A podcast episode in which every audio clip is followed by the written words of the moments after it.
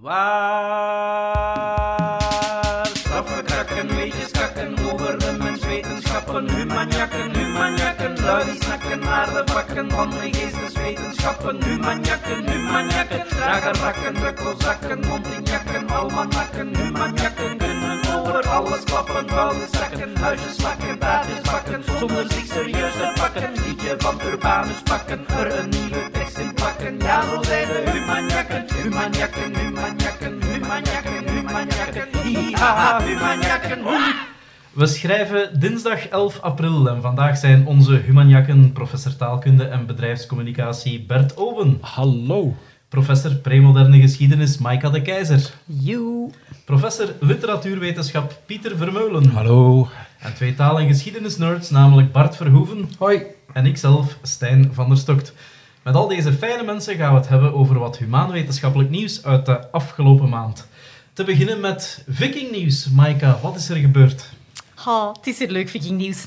Eh, het is niet nu gebeurd, maar er is al in 2020 een schat gevonden. De Vindelef-schat. En ja, wat is er nu gebeurd? Nu weten ze dat ze eigenlijk gevonden hebben. Dus Maar ze kregen die eerst niet open of zo. eh. het duurde even, het duurde even om alles te gaan ja, in, analyseren. in covid-tijden. Ook. Maar het waren voornamelijk zeer oude runetekens en dus de analyse van die runetekens heeft tot nu geduurd. En het spannende is dat ze een zin hebben ontdekt. Daar staat op, hij is Odins man. Dus Oh, Odin Ja. was homo. nee, het was waarschijnlijk een heerser, een koning, die dat dan een beschermelinge, eh, beschermeling van, van Odin was. Eh, dat is op zich niet zo speciaal. Heel veel heersers laten zich eh, vereenzelvigen met of toch in de sfeer van Odin plaatsen. Wat wel speciaal is, is dat die munt zou gedateerd hebben naar de vijfde eeuw. En de eerste vermelding die we normaal hadden gevonden was van de zesde eeuw. Dus het is dus minstens een eeuw en waarschijnlijk zelfs anderhalve eeuw vroeger dan de vroegste datering die we hebben van een verwijzing naar de god Odin. Serieus? Ah, Ik dacht dat Odin al, al veel langer eh, aanbeden werd door de Noormannen eh, dan, dan in die periode. Dat dat echt zo terugging eh, tot, tot voor Christus ook al. Of vergis ik mij daarin? Ha, ja, dat, we weten het eigenlijk niet zo goed, omdat natuurlijk heel veel van die runen niet veel verder teruggaan dan dat. dus het is de allereerste vermelding, schriftelijke vermelding van Odin. Dus dat is het, dat is het speciaal eraan, dat is met naam en toenaam op zo'n munt in runen dat we dat gevonden En hebben. we hebben dus nu drie jaar zitten wachten op een zin. Ja, Dus, oké. Moeten we daar blij mee zijn? ik denk het wel. Ik denk het wel. Ik vind het wel. Eh, dat is bewijs. Ja. En dat soort bewijs is toch altijd wel leuk om dat te hebben. En op zich is het toch ook wel fascinerend. Want je zegt nu, we weten al dat die religie dat dat ouder is. Maar eigenlijk zijn we daar toch niet 100% zeker van hoe continu dat soort pantheon is. Wanneer dat eigenlijk Odin en die Asen, hè, dat, is, dat is het pantheon van de vikingen, de Asen-familie, die, ehm, die zijn bekend als, als de goden van de vikingen. Maar hoe ver gaan die terug? Want er is een debat dat zou stellen dat er eigenlijk een verschuiving gebeurt. Dat er een verschuiving gebeurt van een meer natuurgerichte religie, van, van ja, de, de bossen en de zon enzovoort te vereren, naar die typische goden, hè, een Thor, een Odin, een Freya, een Freyr. Eh, al die goden. Mensachtige figuren met ook persoonlijkheidskenmerken enzovoort. Met persoonlijkheidskenmerken, maar vooral ja, dat soort krijgersgoden. En die dat we dus associëren met die typische mythen van de vikingen. Eh, en er was tot voor kort eigenlijk een stelling dat de opkomst van die goden, en vooral de populariteit van die goden, dat dat dus ergens rond die vijfde, maar vooral de zesde eeuw zou liggen. Omdat je toch ook wel een verschuiving ziet. Heel veel van de afbeeldingen die je zo ziet op stenen, hebben een totaal andere afbeeldingscultuur voor die zesde eeuw als daarna. Je hebt bijvoorbeeld de zonneschijf die verdwenen zou zijn. Dus de zonneschijf is heel dominant voordien. En die zie je steeds minder of eigenlijk niet meer nadien. En dat zou gekomen zijn door potentieel een ramp. Alweer een ramp. We kunnen het weer verklaren door het klimaat. Eh, dus in het midden van de zesde eeuw, in, in 536, is er een vulkaanuitbarsting. En dan zie je dat er een enorm, ja, echt een aantal jaren zonder zomer waren. Waar precies was die vulkaanuitbarsting? El Salvador, blijkbaar. Ah, zo ver en toch nog in, invloed in Europa. Ja, dus echt immens. Hè? En dan krijg je die stofsluiers, van, zo van die echte enorme vulkaanuitbarsting, krijg je van die stofsluiers. En dat heeft voor een bijna zomerloze tijd voor enkele jaren gezorgd. Dat moet een enorm, enorme schok zijn Ze geweest. zaten daar schoon met hun zonneschijf. Ja. En wel, maar dat zou dus de verklaring zijn waarom dat die zonneschijf verdwijnt. Maar ook bijvoorbeeld... Ja, ja serieus. Laat ook maar. Maar ook bijvoorbeeld Ragnarok. Hè, de, de, wat normaal gezien het einde van de vikinggoden, hè, de apocalyps bij de vikinggoden zou betekenen, dat is in al die mythen het einde staat eraan te komen. De omschrijving van Ragnarok is eigenlijk heel sterk aan, aan- vindt eigenlijk heel sterk aansluiting bij die vulkaanuitbarsting, het verdwijnen van de zon, het ongelooflijke komen van de winter en, en de oogsten die mislukken. En dus mogelijkerwijs zou die verschuiving in die mythologie daar, daar rond kunnen, eh, kunnen zijn. En dat is ongeveer rond de vijfde, zesde eeuw dat al die calamiteiten dus ontstaan. Dus het op zich is toch wel fascinerend dat we ja. bewijs hebben dat Odin met naam en toenaam al in die vijfde eeuw bestond. Dus, eh, en, en dan voor eh, die vulkaanuitbarsting in 536? Ja, blijkbaar wel. Ja, Want dus... Dat is de eeuw, hè? Ja, inderdaad. Dus in ieder geval, dat was heel lang zo een debat. Mogelijkerwijs heeft een vondst zoals dit daar toch dan wel invloed op om te zien. Is dat nu wel echt zo, die verschuiving? Kunnen we daar nu eigenlijk wel van uitgaan dat er zo'n belangrijke verschuiving is? Of zijn er toch meer continuïteiten doorheen die religie? Dus ik vind het toch wel spannend. Alright. Ehm, ik mocht geen alright niet meer zeggen van Pieters, maar ik doe het toch. Eh, we kunnen het hebben over leugenaars ook, eh, Bert. Want eh, sinds deze maand weten we weer iets beter hoe we die mensen moeten ontmaskeren. Ja, ehm, het is een studie die in Nature gepubliceerd heeft, eh, is. En de vraag is, hoe kunnen we leugenaars beter ontmaskeren? En het vertrekpunt is dat we daar eigenlijk niet zo gek goed in zijn. Ze doen bovenop hun eigen originele onderzoek ook nog eens een, goede literatuurstudie. Als ze al die data van, eh, en het gaat eh, alles tezamen ongeveer over 25.000 proefpersonen in een hele reeks van experimenten, als je al die data samengooit, daaruit blijkt dat we eigenlijk maar 4% beter dan kans zijn of hebben om iemand als leugenaar te ontmaskeren. Oei. 4% beter dan gewoon random, random gokken. Ja. Ja. Ah, Hè, dus als je iemand voor je krijgt en je weet, ehm, ja, die is aan het liegen of wel niet, ja, dan heb je 50% kans om het juist te hebben. Wel, je bent maar 4% beter dan dat chance level ehm, Oh. op basis van Ja, dat is eigenlijk een geweldige opsteker voor leugenaars. Ja, dat is, lieg maar raak Ja. eh, en doe het met voldoende zelfvertrouwen en iedereen gaat u geloven. we moeten ze dus eigenlijk niet leren ontmaskeren, we moeten gewoon zelf beter leren Ja. liegen, Ik eigenlijk. denk dat ook. Eh, ja, nee, we kunnen het blijkbaar goed genoeg. Eh, We we worden niet ontmaskerd. Oké. En de onderzoekers stellen de huidige strategie in vraag. En die huidige strategie gaat erom om een hele reeks van eh, potentiële cues die de leugenaar zouden kunnen weggeven, om die proberen te ontmaskeren. Wegkijken. Een strategie van eh, mensen die professioneel eh, mensen moeten ontmaskeren. Dat gaat dan over politie of zo. Ja. Of, eh, Ze, ze halen zelf het voorbeeld aan dat er een ontzettend duur programma in de nasleep van 9-11 was om op luchthavens in Amerika eh, leugenaars te ontmaskeren. En dat daar, ze, ze spreken zelf over 900 miljoen, een programma van 900 miljoen dollar, om ehm, de mensen die werken, de luchtvaartpolitie, om die aan te leren om leugenaars te ontmaskeren. Mooi. Ehm, en dat kan veel beter volgens hen. Ja. En hun strategie is eigenlijk een eh, use the best, ignore the rest tactiek. Dus in plaats van op een hele reeks van features te focussen, als we nu eens aan mensen vragen om maar op één aspectje te letten, levert dat dan niet betere resultaten op. Ja. Ehm, wat blijkt? Ja, volgens, volgens hun eh, zeven of acht studies die ze, opstellen. En wat is het beste? Wel, eh, om te beginnen stellen ze vast dat mensen ehm, vaak de foute ehm, features ehm, eh, proberen te detecteren. Iets zoals wegkijken. Ja. Veel mensen zeggen, spon- Knipperen met de ja, ogen. zeggen spontaan, ja, als mensen liegen, dan, eh, dan, dan kijken ze weg. Mm, Dat blijkt niet zo te zijn. hè. Ook uit de literatuurstudie, leugenaars kijken helemaal niet vaak weg als ze aan het liegen zijn. ik zal zelfs meer zeggen. Ik heb vaak, eh, als, als ik de waarheid spreek, maar ik denk al dat de persoon die mij... eh. Ja, die tegenover mij zit mij niet gaat geloven, dan kijk ik al wat meer weg en doe ik al meer alsof dat ik aan het liggen ben, terwijl dat het helemaal niet zo is. Ja. Mama. Heerlijke ontboezemingen, heel Ja. erg mooi, mooi, mooi. Ehm, dus ja, dat. eh, nog andere voorbeelden die ze geven zijn, zowat, eh, Pieter geeft er hier een mooi voorbeeld van, dat kunnen de luisteraars natuurlijk niet zien. Pieter krabt aan zijn eigen gezicht, dus zo'n beetje spelen met je, met je kleren, zo wat Spelen met jezelf. Ja. ja, dat is een, dat is een ander genre misschien, maar... Wat heeft die man te verbergen? Ja. dus bijna niets. Ja, dat, dat, 4%. Nee, nee Ja, want dus, dat eh, is een hele slechte cue die mensen wel eh, blijken te gebruiken. Wat werkt er wel goed?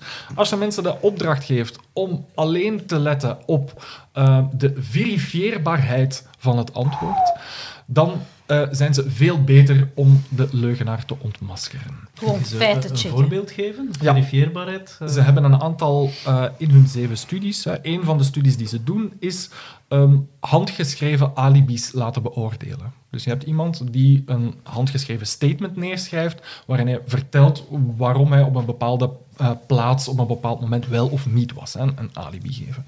Wel, als dat alibi verifieerbaar is, ehm, dan is het waarschijnlijk niet gelogen. En als je mensen opdraagt om alleen te letten op die verifieerbaarheid en niet op andere talige cues of zo die daarin zitten. En eh, in de eerste studies waren dat handgeschreven berichten, maar in verdere studies gaat dat ook over eh, face-to-face gesprekken of interviews die je mag doen met iemand die een alibi geeft. Wel, als je alleen op die verifieerbaarheid let, dan ben je veel beter in staat om te ontmaskeren of die nu de waarheid Ja, is. maar- Als ik wil liegen, moet ik dan als Ja, een echte thuis. bullshitter zoveel mogelijk falsifieerbare, maar foute dingen naar Ja, jou gooien? Of moet ik vaagheid produceren? Nee, je, moet, Nee. je, je moet geen vaagheid produceren, want op basis van wat er uit deze studie komt, stellen zij voor, hè, laten we onze mensen trainen om net die falsifieerbaarheid van een, eh, een statement na te gaan. Ehm, het, het, Oké, maar dat is Dus de opdracht is niet te falsifiëren, de opdracht is falsifieerbaarheid detecteren. Juist. Oké, maar dus zelfs, je hebt geen alibi. eh, je kunt maar beter liegen dat je ergens op een café zat. Wat dat achterhaald kan worden, wat dat mensen Ja. gezien kunnen hebben. Ja. In plaats van de waarheid zeggen. Ik zat zat, alleen thuis. Ja, Niemand was erbij. Man, Ja, maar ik Ja. zou dat Nee, nu toch maar niet in een nee. moordonderzoek doen, want dan gaan ze dat echt checken. Maar in de luchthaven gaan ze er niet uithalen. Dus waar. Punt. ik De- heb wel degelijk een bom bij. Ja, oké. Veerbaar. Ga ons maar door. Gaat u maar. Eh, wel, een, een tweede punt is, je zou misschien nog iets specifieker het type van bom ook nog willen aanduiden. Want het tweede punt was het detail in de beschrijving. En iedereen heeft mij die zien inpakken. Dus goed liegen betekent veel details durven geven. Juist. Ja. Juist. Goed. Je zat in een café met rode muren en een schilderijtje van een herderinnetje aan de muur. Juist. Zo. Juist. Oké. En als je dus mensen vraagt om daarop te letten, hè, op die mate Whatever, van detail en de falsifieerbaarheid van Mhm. uitingen, dan zijn ze beter in staat om de leugenaars eruit te pikken dan wanneer je mensen ofwel helemaal niks zegt, hè, dat je ze gewoon vrijlaat, hè, volg je intuïtie maar, Mhm. of dan wanneer je mensen expliciet de opdracht geeft, ja, hier zijn die eh 90 features die aan alle luchtvaartmaatschappijen zijn geweest, probeer daar zoveel mogelijk op te letten en ontmasker de leugenaar dan. Dus dat werkt ook minder goed dan als je ze maar één van die features geeft, die falsifieerbaarheid en die detail. En wat was dan het uiteindelijke verschil? Eh, Want we zijn 4% beter dan gewoon de kansverdeling. Eh, maar als je enkel let op de, bijvoorbeeld eh, ja, de, ehm, de falsifieerbaarheid, Ja, dan- je dan 6% beter? Nee, eh, nee veel meer. Ah, toch? Ja, eh, het hangt er nog een beetje vanaf in welke omstandigheid. Of het nu gaat over zo'n eh, een handgeschreven alibi, of een interview dat je zelf mag doen met iemand, of inschattingen maken op basis van een video. Dat zijn al die verschillende studies die ze hebben gedaan. Maar je zit wel boven de 60% kans, eh, en dat gaat tot 80% eh, juistheid. Hè, gebaseerd op die ene feature alleen. Dus in een situatie waarin je iemand mag interviewen, zit je rond die 80%. Hè, Als je alleen let op falsifieerbaarheid in een face-to-face interview met iemand, dan ben je 80% van de keren juist. En interviewen is eigenlijk doorvragen. Dus op details in de praktijk. Nee, vaak. is gewoon Nee. Een, een, een heel intuïtief, onbevangen live gesprek hebben met iemand. Want die proefpersonen die die tests gedaan hebben, zijn geen professionals. Hè. Dat zijn gewone proefpersonen die meedoen. Die worden in een ruimte gebracht waar dus iemand, eh, een confederate, iemand die meedoet met de onderzoekers zit, en waarvan zij als proefpersoon dus moeten zeggen, is die aan het liegen, ja of nee. Dus een leerkracht die dat moet kunnen onderzoeken, is dat nu gelogen of niet, dat iemand zijn huiswerk niet heeft gemaakt, omdat niet zomaar een huisdier, maar de hamster met veel te grote oren en eh, extreem eh, scherpe tandjes, die het huiswerk heeft opgegeten, dan... dan Ja. Of als de oma dood is, echt doorvragen. Durven doorvragen. Ik denk dat dat echt wel de takeaway voor ons eh, lesgevers is. Heel veel detail. Hoe is oma dood gegaan? Ja. Die rochelus na. En, ehm, nee, nee. Ik, eh, ik neem het mee naar eh, eh, het volgende oudercontact. Leugens ontmaskeren. Het brengt ons naadloos bij het verhaal van Aceh Carrillo, eh, een eh, Cubaans-Amerikaanse schrijver. Tot voor kort, moeten we zeggen, want eigenlijk was hij niet eens Cubaans. eh, klopt het, Pieter? Dat klopt, en hij is ondertussen ook dood. En ehm, het, is, het is eigenlijk door te sterven Hoe, dat... hoe is hij gestorven? Ja, kun je dat een beetje nadoen? Wel, het, is allemaal veel schrijnender en triestiger dan, eh, dan we denken.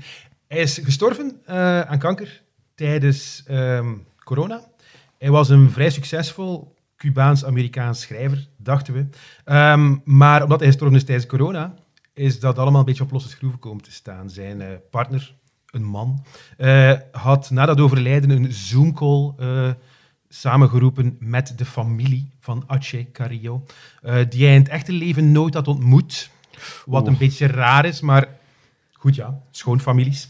Ehm en ehm, was dan in dezelfde Zoomruimte met eh, de zussen en broers van Aceh, die volgens hem Maria, Susanna en Cristobal heten, ehm, maar die eigenlijk gewoon Maria, Susanna en Christopher bleken te heten.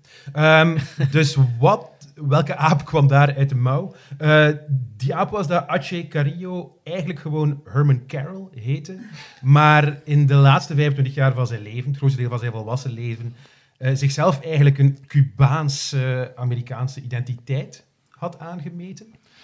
Daarvoor ook Spaanse les gevolgd had. Wauw. Daarvoor ook een vrij succesvolle eh, Cubaans-Amerikaanse roman geschreven heeft, die Losing My Spanish heet, die vol taalfouten staat in het Spaans, maar dat werd als een soort authenticiteit naar voren gebracht. En die eigenlijk daarmee weggekomen heeft. heeft. Aan die roman heeft hij eigenlijk een vaste universiteitsjob overgehouden als eh, professor creative writing. Ehm, hij heeft, weten we nu, en het is het tijdschrift The New Yorker dat zijn leven in groot, gênant detail gereconstrueerd heeft, heeft eigenlijk een soort dubbelleven geleden, waarin hij zijn familie, de enige mensen die wisten dat hij eigenlijk gewoon Herman heette, dat hij eigenlijk gewoon een zwarte uit Detroit was, aan de ene kant, en aan de andere kant zijn ganse professionele en privéleven. Eh, mensen die hij 25 jaar lang de ene leugen naar de andere heeft wijsgemaakt. Bijvoorbeeld de leugen dat, ehm, dat hij op zeer jonge leeftijd gevlucht was eh, uit Cuba naar de Verenigde Staten. Dus daar komen we een beetje in het vaarwater van die leugendetectie. Hè. Uiteraard zijn er heel veel, is er heel veel mist, en, maar ook heel veel details eh, in zijn verhaal. Zo staat er bijvoorbeeld op zijn paspoort ehm, dat hij geboren is in Detroit. Ehm, hoe is hij daarmee omgegaan? Hij is daarmee omgegaan door een, op een heel zelfverzekerde manier te gaan uitleggen dat er een obscure wet bestaat in Amerika die ervoor zorgt dat iedereen die uit Cuba vlucht naar Amerika zijn eerste plaats van residentie in Amerika op zijn paspoort gedrukt krijgt. Hij heeft dat blijkbaar met zoveel zelfvertrouwen gebracht. Dat dat, Dat niet er is eigenlijk- geverifieerd. Ja, dus het- Ja. dat er niemand eigenlijk de nood voelde om dat te gaan verifiëren. eh, Wel een falsifieerbare claim, Ja, want ja, je kunt het ja. gewoon gaan opzoeken. Dus hij was een zeer goed leugenaar. Wat het allemaal een beetje pijnlijker maakt, is dat hij ook echt die leugen geleefd heeft. Dat, eh, dat het niet zomaar een literaire hoax is. Hè. Niet zomaar iemand is die onder een valse naam gaan schrijven is. Hij is eigenlijk onder een valse identiteit gaan leven. En ehm, de psychologen en de sociologen die in dat artikel ook eh, geïnterviewd worden, die weten ook niet echt wat, wat ze daarmee aan moeten. Is dat, is dat een authentiek pathologisch probleem? Is dat een soort geïnterioriseerd racisme? Is dat een klootzak. Is dat gewoon een Ja. leugenaar? Eigenlijk is het zeer moeilijk om dat moreel te gaan beoordelen. Zou het niet kunnen dat er op een bepaald moment zoveel van afhing in zijn leven dat hij de Dat hij leugen niet meer terugkomt. moest volhouden als Ja. je dan zo professor geworden bent, eh, Ja. allemaal op basis van één boek eh, waarin dat je over je herkomst gelogen Ja, hebt. eh. dat, is zeer duidelijk een, een fenomeen dat hij denk ik na, na een decennium of zo niet meer terugkomt. Het raar is natuurlijk dat hij Hans decennium lang een taal geleerd heeft, een identiteit en een accent gefaked heeft, een roman geschreven heeft, wat ook veel werk is. Ehm, Dus dat was dan voorbedacht en raden Ja, bijna. ja. Eh, Maar En Wat, waarom? deed- eh, wat deed hij daarvoor? Schreef hij daarvoor ook, ook al? bijvoorbeeld over zijn vroege leven heeft hij ook leugens verzonnen. Hij heeft zogezegd bij HBO gewerkt als een soort creative director. Maar hij was geen schrijver in zijn Nee, eh, hij, hij pas rond leven. zijn 35ste beginnen schrijven. Oké. Ehm, maar dus hij heeft, al daarvoor was hij een pathologisch leugenaar, Mm. die aan mensen wijsgemaakt dat, dat hij kinderen had bij Franse vrouwen, dat hij bij HBO, HBO een creative director was. Dus allemaal dingen die zo obscene verifieerbaar zijn, dat je bijna de nood Ja, voelt om te en ook het interessante detail, bij Franse vrouwen. Ja, Ja. Ja, ja. voilà. Dat is, Dus, ja, dat is het daarvan detail, gelooft iedereen het ook. eh. ja, voilà. dus, Maar, eh, maar waarom Cuba? Weet, weet die Ja. familie dan niet? Van, zit, daar, zit daar iets in dat hij dat die heeft met Cuba? zijn, zijn ouders waren gewoon succesvolle eh, zwarte professionals. Dus eh er zat, er zat Ja, een Cubaans bot in de er was zoveel spanning tussen Cuba en de VS ook in die Koude Oorlog, dat er juist een rookgordijn rond hing. Wel, en het is ja. around the corner. Het is Wel, gewoon... het, is, het is natuurlijk een van de theorieën die geopperd worden in het artikel. En iedereen die hier oud genoeg is om in de jaren 90 geleefd te hebben, herinnert Mm. zich nog hoe onuitstaanbaar die jaren 90 waren. Met name door, eh, door het succes van, die, van, van de Buena Vista Social Club. ja. Iemand zich dan nog? Ja, Dus ja, Ja, ja. ja. dus je kon in de tweede helft van de jaren 90 eh, geen taverne binnengaan. of Elke geen barbecue bij ons thuis. Ja. Ja. Of eh, daar zaten zo oude Cubaanse mannen, gemiddeld 204 jaar oud, zo op een gitaar met twee snaren, eh Cubaans te zijn. Dus de suggestie is een beetje dat in die periode gekomen is. Dat hij dan zo een beetje die Cubaanse wind om, omhelst heeft, om aan zijn zwartheid te ontsnappen Mm. en zich daarop gegooid heeft. Maar natuurlijk, als ik dat zelf vertel, dat klinkt nog altijd zeer pathologisch. Dat klinkt nog Ja. altijd niet als een een of ander masterplan. Het klinkt nog altijd als iets dat, ja, Had zijn, dat eerder iets voor, voor psychiaters Ja. dan, voor, eh, dan voor detectives geschikt is. had zijn familie dan ook geen contact of amper nog contact met hem, net omdat hij zo'n leugenaar was of zo, dat zij hem al ergens Nee, ontmaskerd zij hadden dus hadden, veel want- contact, maar zij woonden in Detroit en hij bezocht die altijd alleen. Ah, ja. Ja. En eh, daar deed hij zichzelf voor als Herman. En die hadden Eh. nooit, want ik veronderstel dat die mens ook prijzen heeft gewonnen met zijn boek, Mhm. die hebben nooit ergens in de, eh, de krant eh, een artikel over de succesvolle Nee, dus die, schrijver die gingen er eigenlijk vanuit dat hij een beetje koketteerde met een ander soort identiteit. Maar die hadden dus niet door dat hij in het dagelijkse leven ook zich als Cubaans voordeed. Hè. Dus eh, bijvoorbeeld in zijn boek bedankt hij zijn familie met de voornamen Maria, Susanna en Cristobal. Cristobal. Eh, zijn familie vond dat eigenlijk vond dat een beetje onnozel van onze Herman. Eh, maar die hadden zo niets van... Ah, onze Herman is eigenlijk gewoon zot. En... ehm, Nu, dan zijn die toch ook een beetje zot. ja. Ik, weet, ik weet dat niet. Ik vind dat op zich zo. Ja, hij, is, hij is een artistiek type. Hij is een soort cruisende queer in New York die tussen identiteiten schippert. Ik weet niet of dat zo raar is om die dan het voordeel van de twijfel te geven. Ja. Als heb- familie zou ik toch verwachten dat die dan echt wel zo op de een of andere manier... Misschien is dat nog voor de sociale media, Mhm. maar dat die normaal gezien dan toch bij wijze van spreken ergens wel iets zouden moeten gezegd hebben van... Wat? Wat is het zei, probleem? zij beschouwden hem vooral als een soort artistiekerig type. Dat eh, wel eens Dat wat is raar... onze Herman. Dat is een Herman. Zo, onze Herman. Het is pas eigenlijk tijdens die, volgens mij, bijzonder traumatiserende Zoom-call dat ze beseften Ja. hoe, eh, hoe zijn identiteit volledig gespleten was. Ja. En eh, daarom niet, ik vond dat een interessant literair feit, omdat dat ook niet de eerste keer is dat er zich iemand een gans nieuwe identiteit aanmeet. En voor mij is... eh, en we- ook in de jaren 90 had je het geval van... eh, ik weet niet of iemand, iemand dat nog weet, van eh, Benjamin Wilkomirski. Een. Zwitserse, Nee. een Zwitserse man die een Holocaust-memoir gepubliceerd heeft, waarvan al vrij snel bleek dat, eh, dat hij nog Joods, nog Holocaust-overlever, nog Benjamin Wilkomirski was. Oei, ja, Ehm.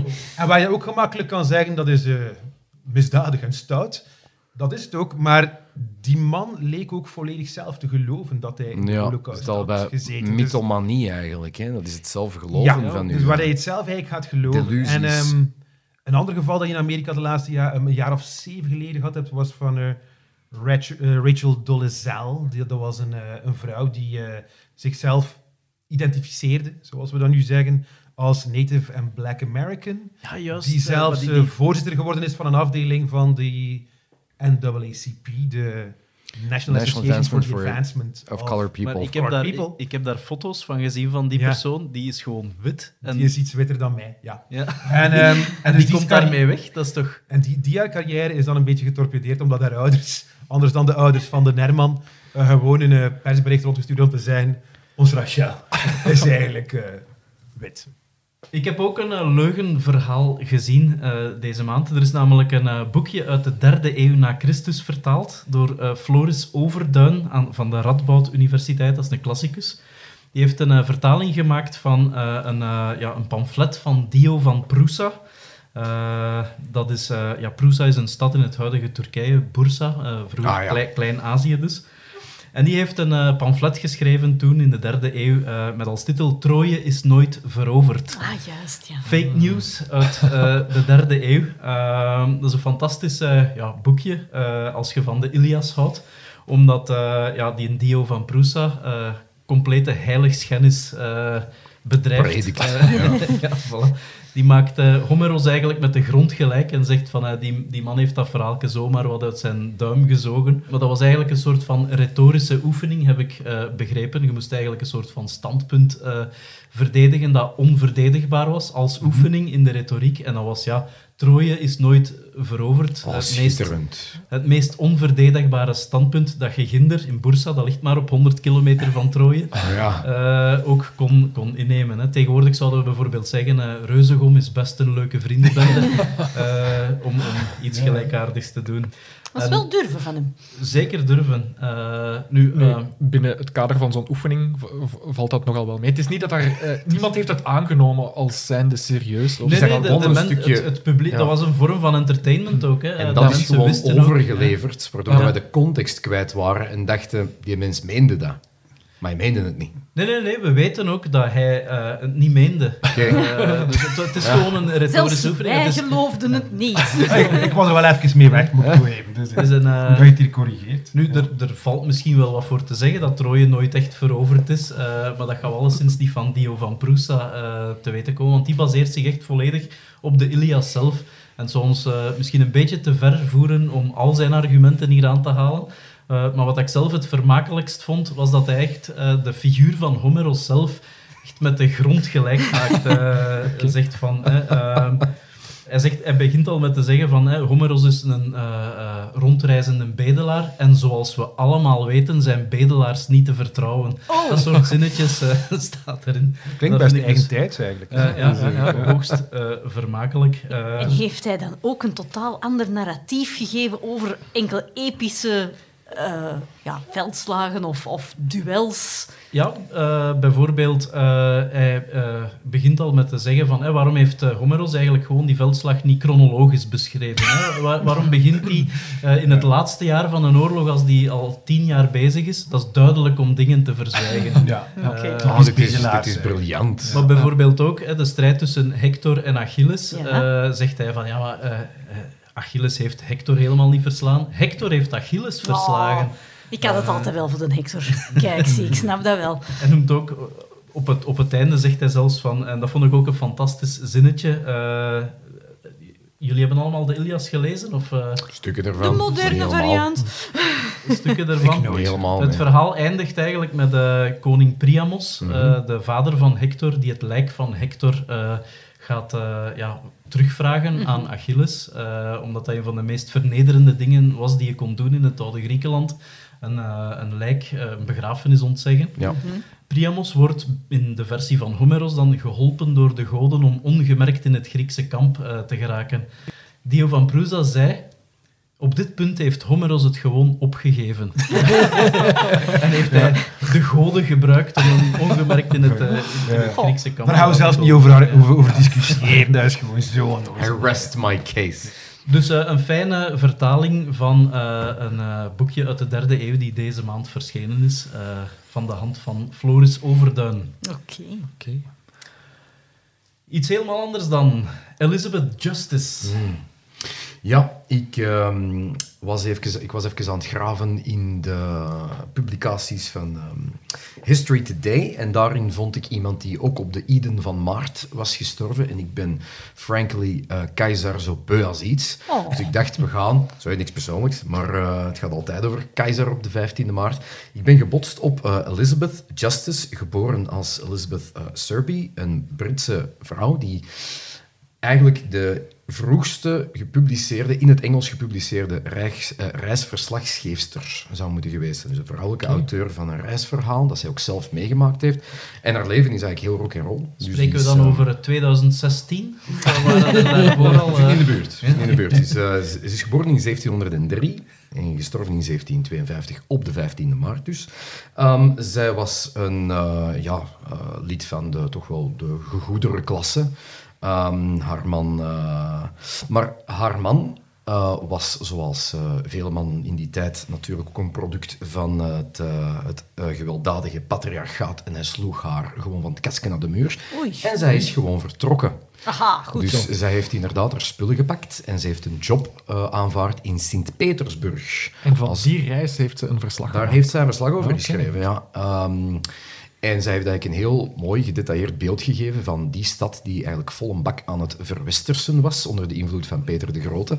Uh, dus zij gaat daarin vertellen over niet alleen uh, de seizoenen die veranderen, maar ook over dat ze naar de Italiaanse opera gaat. Een Nederlandstalig stuk dat zij bijwoont, zonder daar een hol van te verstaan. Maar toch, de Nederlandse invloeden waren zeer groot in, uh, in, in Ja, Sint-Petersburg. Ja, ja. Er zijn wel wat, vooral in de scheepvaart. eh, Absoluut. mij herinneren, staat eh, een standbeeld Nederlands- van Peter de Grote, zelfs in Antwerpen. Ja, Dus van Nederlandse woorden in het Russisch. Ja, en een van de redenen ook waarom dat ze is vertrokken was niet alleen het feit dat haar man een ongelooflijk destructieve kwal was, maar ook omdat hij het fortuin van de familie bleef opsoeperen, want hij had een boekenverslaving. en dus die bleef al zijn geld, maar echt al zijn geld, aan boeken De klotzak. Absoluut, maar echt tot op de laatste stuiver. Eh, die Had man ook een leesverslaving of ging het om het... eh, Dat weet Geen ik tijd voor, geen tijd voor. Dat weet ik, maar het is al zo erg geweest dat de, de man van Elizabeth eh, in, in eh, de Old Bailey, het be- belangrijkste gerechtsgebouw van Londen, is veroordeeld eh, voor het stelen van verschillende kostbare boeken uit de Universiteitsbibliotheek van Cambridge. Het was zelfs een kleptomaan. Eh, zij is dan uiteindelijk in Rusland terechtgekomen, heeft daar een eh, ja, prachtig verslag over geschreven, met opnieuw heel mooie details. Bij momenten wordt ze wel een klein beetje van verdacht een paar dingen wat uitvergroot te hebben, zoals dat ze zonder enige stuiver op zak op gewoon een schip is gestapt, eh, dan uiteindelijk daar is terechtgekomen. Dat zal een klein beetje over de top zijn geweest. Maar ja, ze heeft een heel interessant leven geleid, is dan ook teruggekomen, heeft dan nog meer centjes proberen te verdienen door meer boeken te schrijven, heeft dan eigenlijk een zeer, zo noemen dat een thinly veiled, dus heel, heel dun qua eh, pretentie een autobiografie geschreven, maar dan over zogezegd een andere vrouw, waarin dat ze eigenlijk gewoon haar man volledig door het stof haalt. Het heet eh, Amalia or the Distressed Wife. Alright. History. Ja, dus eh, die liet zich niet doen door haar, een, eh, haar een Henry, zo heette hij. En haar boek heet Voyage to Russia, gepubliceerd in 1739. En gekocht door haar echtgenoot. neem ik aan.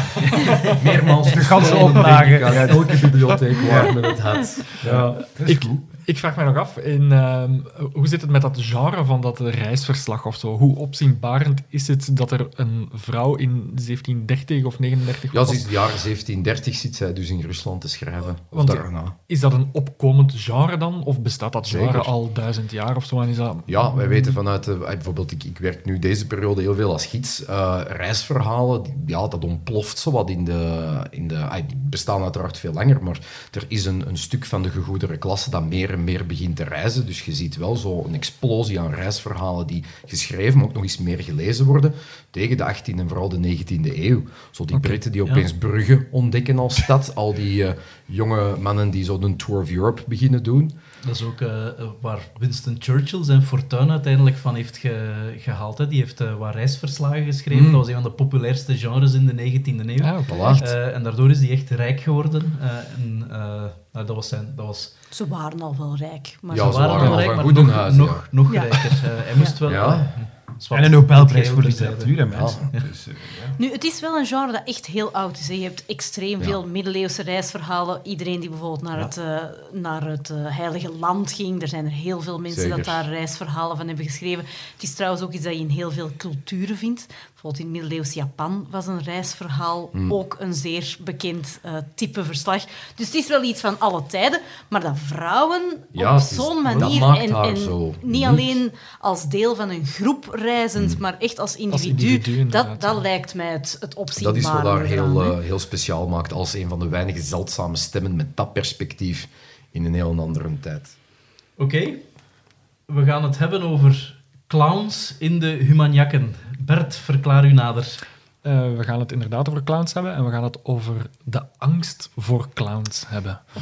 Daar eh, blijkt, zo heb ik geleerd, ook een woord voor te zijn. Ehm, het zou, het zou eh, colrophobia zijn in het Engels. Colrophobia. Oh. Angst, angst voor... Niet eens clownofobia. Nee, dat nee, is wat nee. te gemakkelijk zijn, waarschijnlijk. Ja, ja, ik, Of de, harlequinofobia, nee? nee, nee. Verwijst naar een, een De- Grieks of Latijn woord. ik heb de etymologie ook niet meteen kunnen doorgronden. Ik zou het bassifobie noemen. Dat ben ik, ja. Ik vind bassifobie. Ja. Papachicofoob.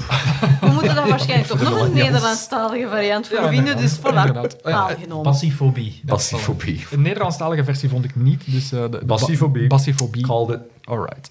Ehm, ik denk dat het iets herkenbaar is misschien, angst voor clowns. Ik weet niet hoe dat bij jullie zit. Vinden jullie clowns iets griezelig? Ja. Eh, soms, en, en waarom? Dat zijn zo'n geforceerde, Ja, dus- Ik heb, maniacale karikaturen. toen ik elf jaar was, heb ik It van Stephen King gelezen. Eh, en eh, dat was een van de ja, meest waanzinnig angstaanjagende boeken die ik ooit gelezen heb. Het heeft niet zozeer per se met die leeftijd te maken, elf jaar denk ik, want ik vind het eh, na eh, ja, zoveel jaar nog altijd heel angstaanjagend. Ja, ja. Eh, Voor mij is het gewoon het concept, meestal word je daarmee geconfronteerd als klein kind, en dat zijn extreem opdringerige, luid, luidruchtige en... en, Geschminkte. en ge- ja, heel vreemde mannen. Mannen die achter u aanlopen. En, en dat concept, dat is iets waar je dan meestal meeneemt voor de rest van je leven als iets dat niet uiterst Dus- aangenaam is. Het zou te maken kunnen hebben met de gelaatsuitdrukkingen, die schmink eh, die zo eh, een, een één Ja. emotie weergeeft en dan een andere verbergt of zo. Of, eh, Ja, het heeft alleszins inderdaad met die gelaatsuitdrukking te maken, die ehm, misschien niet toevallig ook eh, wit en rood vaak is.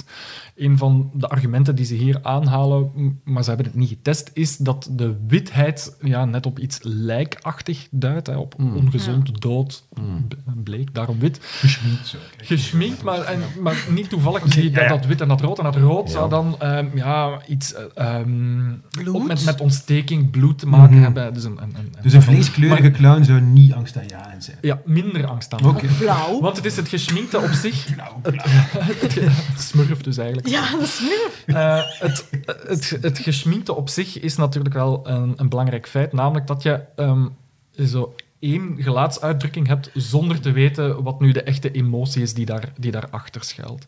En wat onderzoekers gedaan hebben, is, is bij mensen die, eh, bij meer dan 500 mensen die zelf aangeven angst te hebben voor clowns, proberen te achterhalen waarom ze angst hebben als, voor clowns. ze hebben die niet in een kotje geduwd met een clown erbij. Dat is, Nee, clown en een smurf en dan vragen van welk van de twee ben je het bangst. Ja, dat is fase 2 van het onderzoek. Het zit nog bij de ethische commissie, denk ik.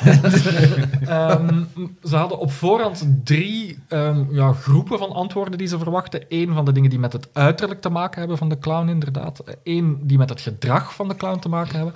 Eh, en één die met ehm, ja, past experience te maken heeft. En dat Ja. kan dan zowel, wat, wat Mike al zei, of, of jij ook, Stijn, ehm, zelf als kind negatieve ervaringen met clowns, of clowns in media. Ja, en dan, dan eh, zoals bij jou, Stijn, Ja. eh, clowns in, een- in een film of een boek.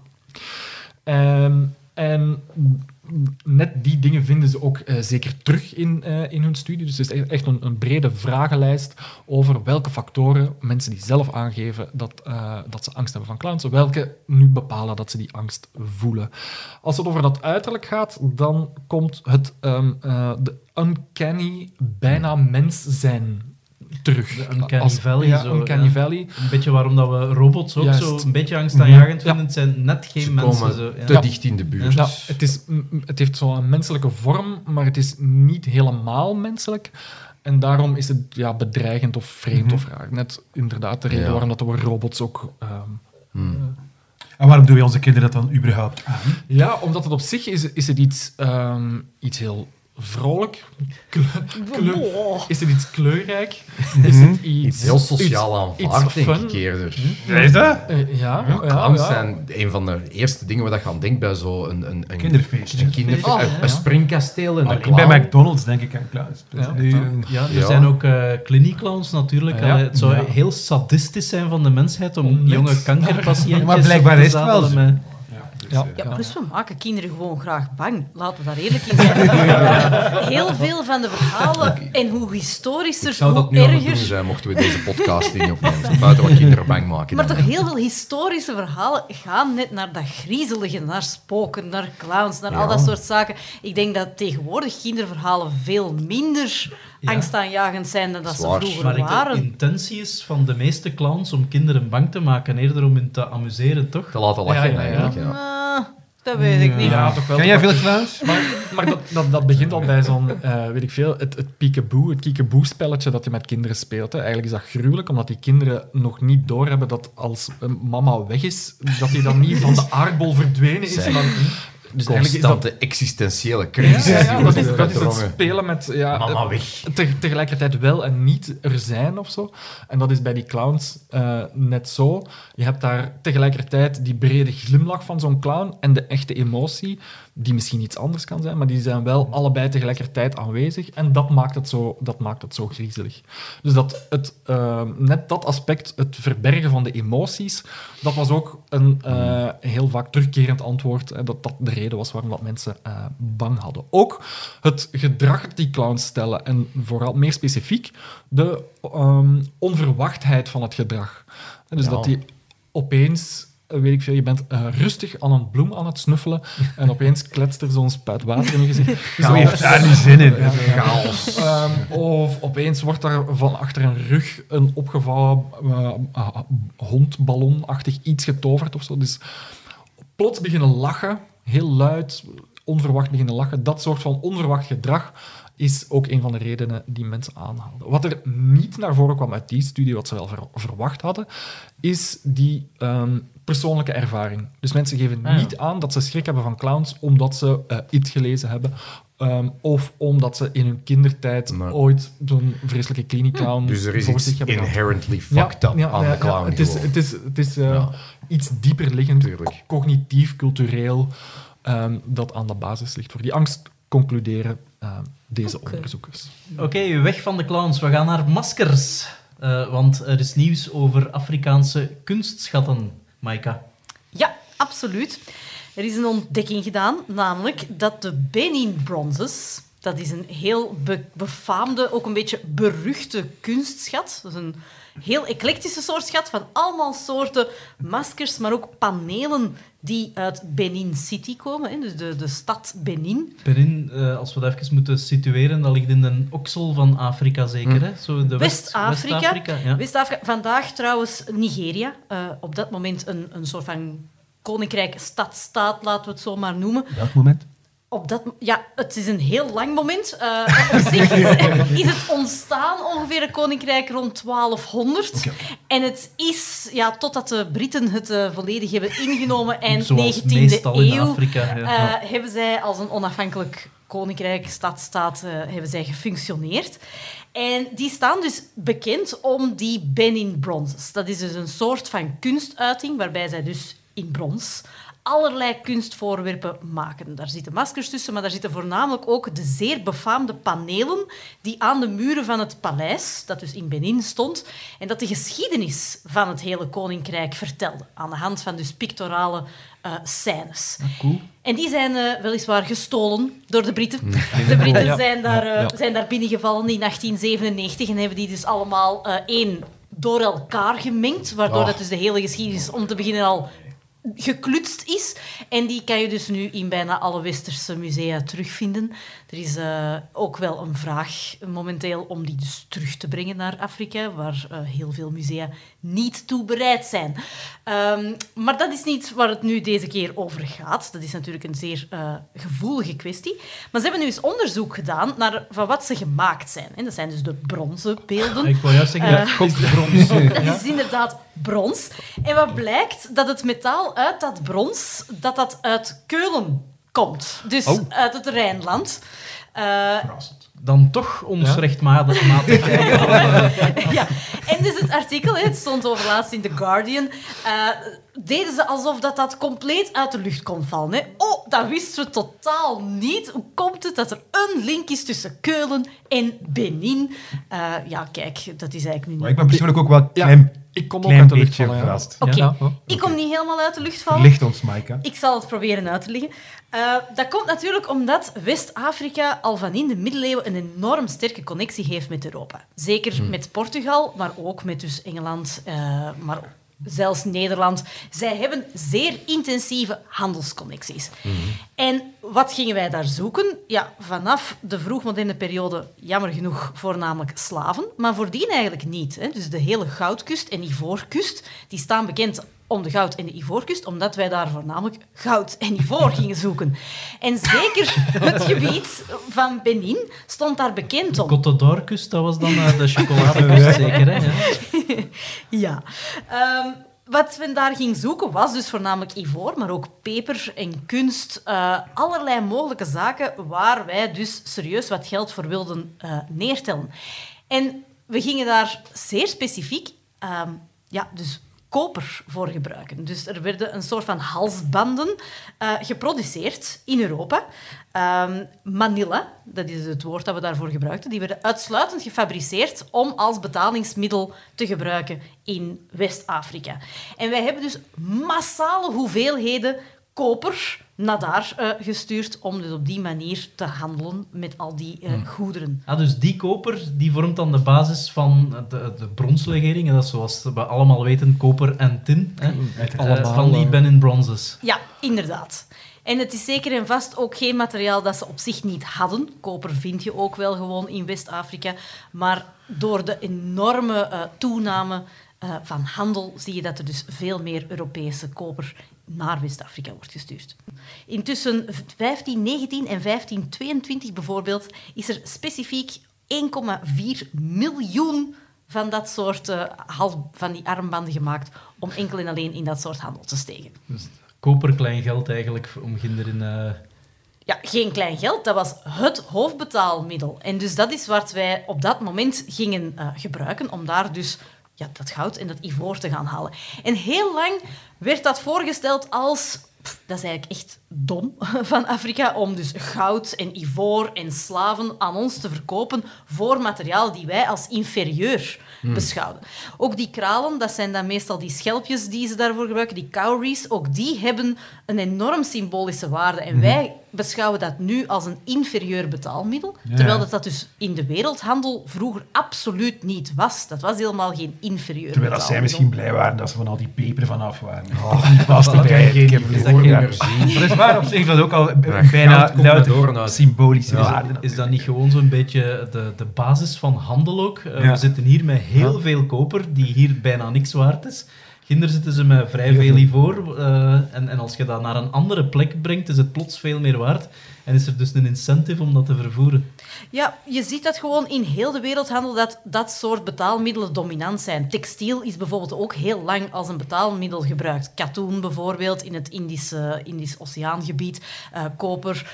Het feit dat wij goud zijn gaan beschouwen als het hoogste goed en dat dat eigenlijk het hoogste betaalmiddel is, dat is iets dat dus van veel later dateert. En daarom dat je dan nu zegt van waarom heeft Afrika dan al dat goud naar Europa gestuurd en daardoor dus de accumulatie van welvaart in Europa ja, teweeggebracht.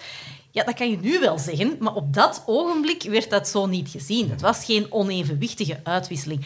Meer zelfs, gebieden zoals Benin werden extreem rijk hadden enorm veel prestige op dat moment en stonden ook op gelijke voet met Europa. Er gingen diplomaten naar Europa, er waren zeer belangrijke contacten tussen de rijken en de koninkrijken in Afrika en Europa.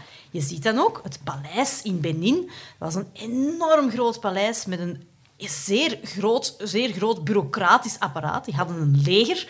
En dat deden zij allemaal door de ongelooflijke rijkdom die zij konden vergaren door de handel met Europa.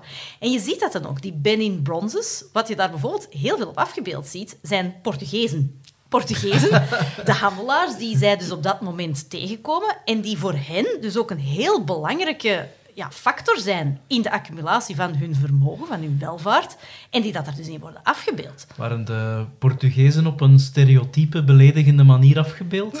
Ja, eigenlijk wel. Je ziet dan dat zij zo van die gekke baarden krijgen en zo verder. eh, dus op dat, op dat vlak zie je dat zij inderdaad wel een aantal eh, fysieke karakteristieken gingen uitvergroten om aan te tonen dat dat die vreemdelingen zijn. En er zijn geen Duitsers afgebeeld op die manier of zo? Nee, nee, want zijn eigenlijk de Duitsers gaan op dat moment helemaal niet zelf naar die gebieden. Je krijgt dus eerst en vooral de Portugezen, dan daarna komen er ook nog de Nederlanders, de Britten en zo verder bij.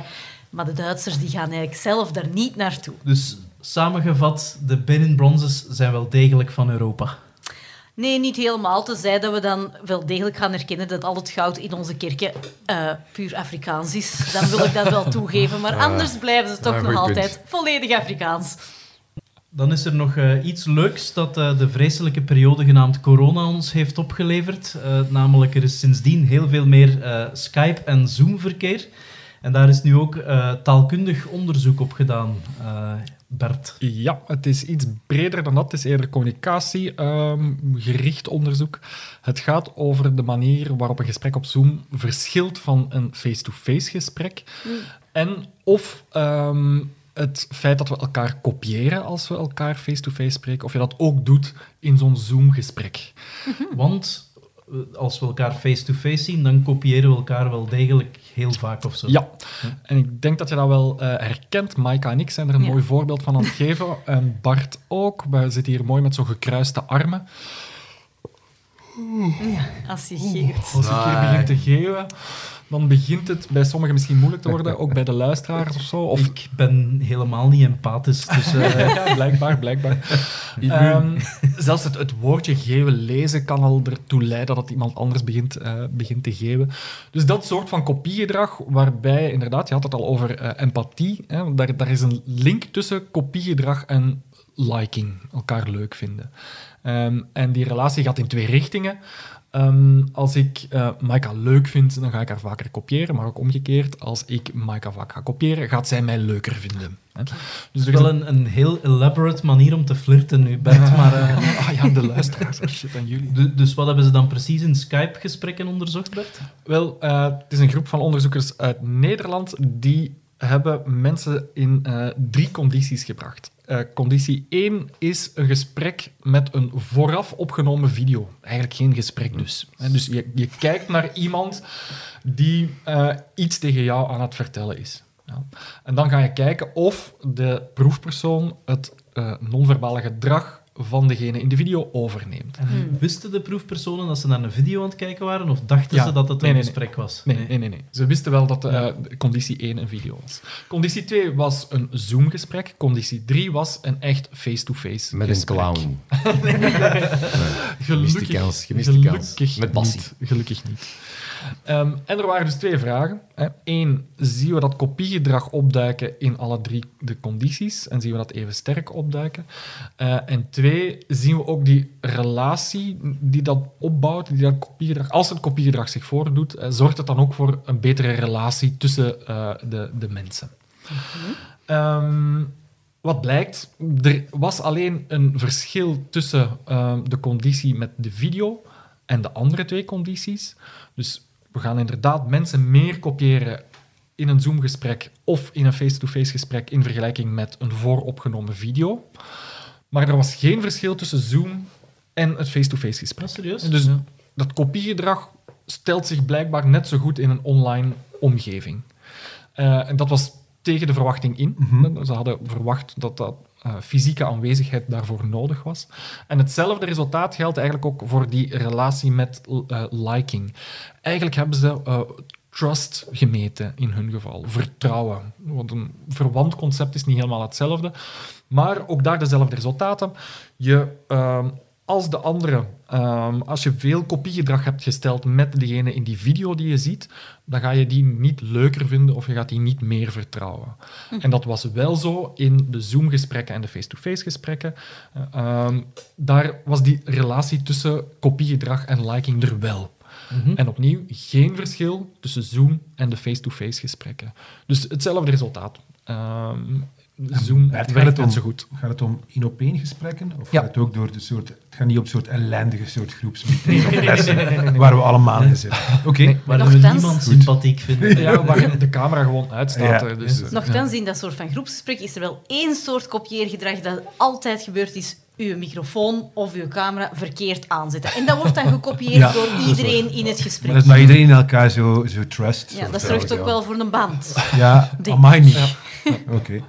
Goed. Maar dus asynchroon een video inlullen en naar studenten sturen zal niet tot meer trust leiden. Is Juist, dit of- trieste boodschap. Of, of, of liking inderdaad, maar ja, ja, Ja. juist, juist. Dus of, dat doen we eh, dan positief, gewoon niet Positief geformuleerd, de, de mogelijkheden die dat videobellen eh creëren, zijn eigenlijk zo goed dat ze een, een goede ehm, plaatsvervanger zijn voor face-to-face gesprekken, want de hoeveelheid kopiegedrag en de relatie, de interpersoonlijke relatie, verandert daarmee niet. Is dat een implicatie dan ook? Dan de kwaliteit van een face-to-face gesprek is eigenlijk even goed eh, als Ja. een eh, gesprek met een scherm ertussen. Een eh, Zoom-gesprek is blijkbaar voldoende interactief om niet alleen die communicatieve dimensie mee te nemen, dat kopiegedrag, maar ook die sociale dimensie, namelijk de relatie tussen mensen.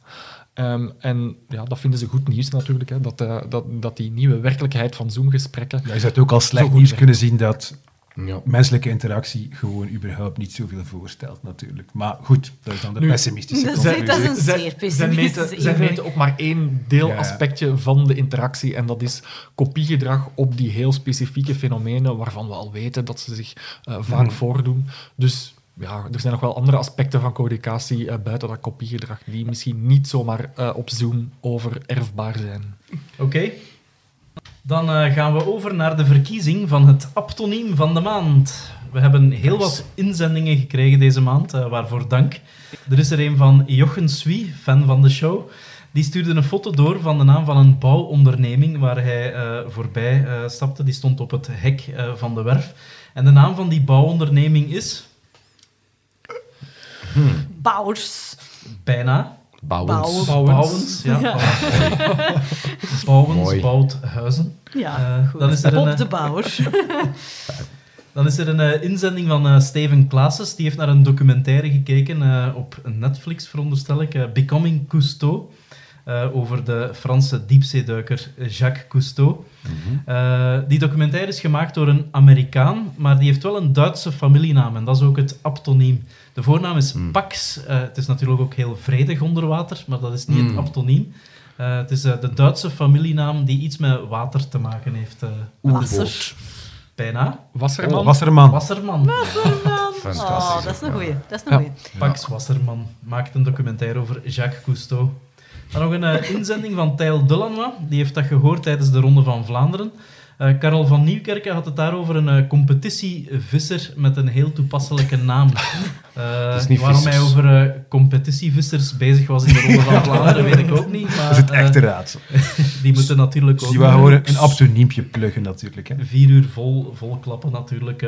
Bert Dobber. Eh, het is een vissensoort. de Snoeks. Och. Snoek, effectief. Ah, Snoek. Jan, Oh, nice. Jan Snoek. eh, En ik kijk niet naar wielrennen, hè, vooral duidelijk. maar wel naar competitievissen. Dagelijks. Heel veel vissen. Dagelijks. Eh, dan is er nog een inzending van Lieselot Uitersprot. Eh, die heeft dat gespot in het VTM-nieuws, eh, geloof ik. Een interview met een bakker met een heel toepasselijke familienaam. De voornaam is Reggie, wat op zich al een interessante is, naam ja. is. Eh, maar de familienaam is... Gist. Het is inderdaad een grondstof van het Meel. brood. Bloem. Bijna. Eh, Bloemen. Van welke plant? Tarwe. Tarwe. Reggie Wauw, Tarwe. Reggie Tarwe. Reggie Tarwe is een Dat is geen pseudoniem. Ofwel heeft VTM Nieuws het verzonnen, maar eh, ik geloof alles wat VTM dat Nieuws geen zegt. dus- uitzending van 1 april is, dan eh, is dat fantastisch. Reggie Tarwe. Dan is er nog een eh, inzending Het van... houdt niet, hoogst- niet op. Hoe lang? Zeker. Toe niet bedankt, bedankt aan alle luisteraars die wel. moeite doen om iets in te sturen. Dat is heel leuk. Ja. Eh, er is nog een inzending van Arne van der Stappen dus. Eh, die heeft eh, de Washington Post gelezen. Het is dat dus nog een slimme luisteraar ook. En die had een artikel over het uiterlijk van de T-Rex gelezen. Dat ging over de lippen van de T-Rex die waarschijnlijk de tanden bedekten. Dus plots ziet een T-Rex er veel belachelijker uit Dat is een soort clown dan in, eh, dan in Jurassic Park. Maar de journalist die dat artikel geschreven had, heeft een heel Italiaanse naam. Het is de voornaam die we zoeken. Hmm. Goh, Die zeer is Italiaans Dino. is. Dino. Ideaal, ideaal. Mooi. Dino Grandoni, of Dino Grandoni Gran- heeft een eh, artikel over een dinosaurus geschreven. Oké, dat is ook wel een goeie. Ah, cool. Dus ja, het wordt moeilijk kiezen deze maand, denk ik. Die- Eh, ik heb die zelf... Grandoni is, is voor, voor de achternaam voor mij ook nog wel, als het om een T-Rex gaat, zo. Ja, ik weet niet. Grand, ja, Ja, ja. eh, groot, Mhm. effectief. Grote Dino. Ja, wordt die verwend, hè? Iemand, een Dino en een Reggie in één aflevering. ja. Dus, eh, Ik heb Ah. toch het hardst moeten lachen met tarwe Ik vind wel het erg zijn. tarwe ook wel, ja. Ik, dit is mijn favoriet ook, Ja, de Reggie ja. Tarwe. Kijk, dan moeten we ervoor gaan. jammer voor Dino. Pistoletjes.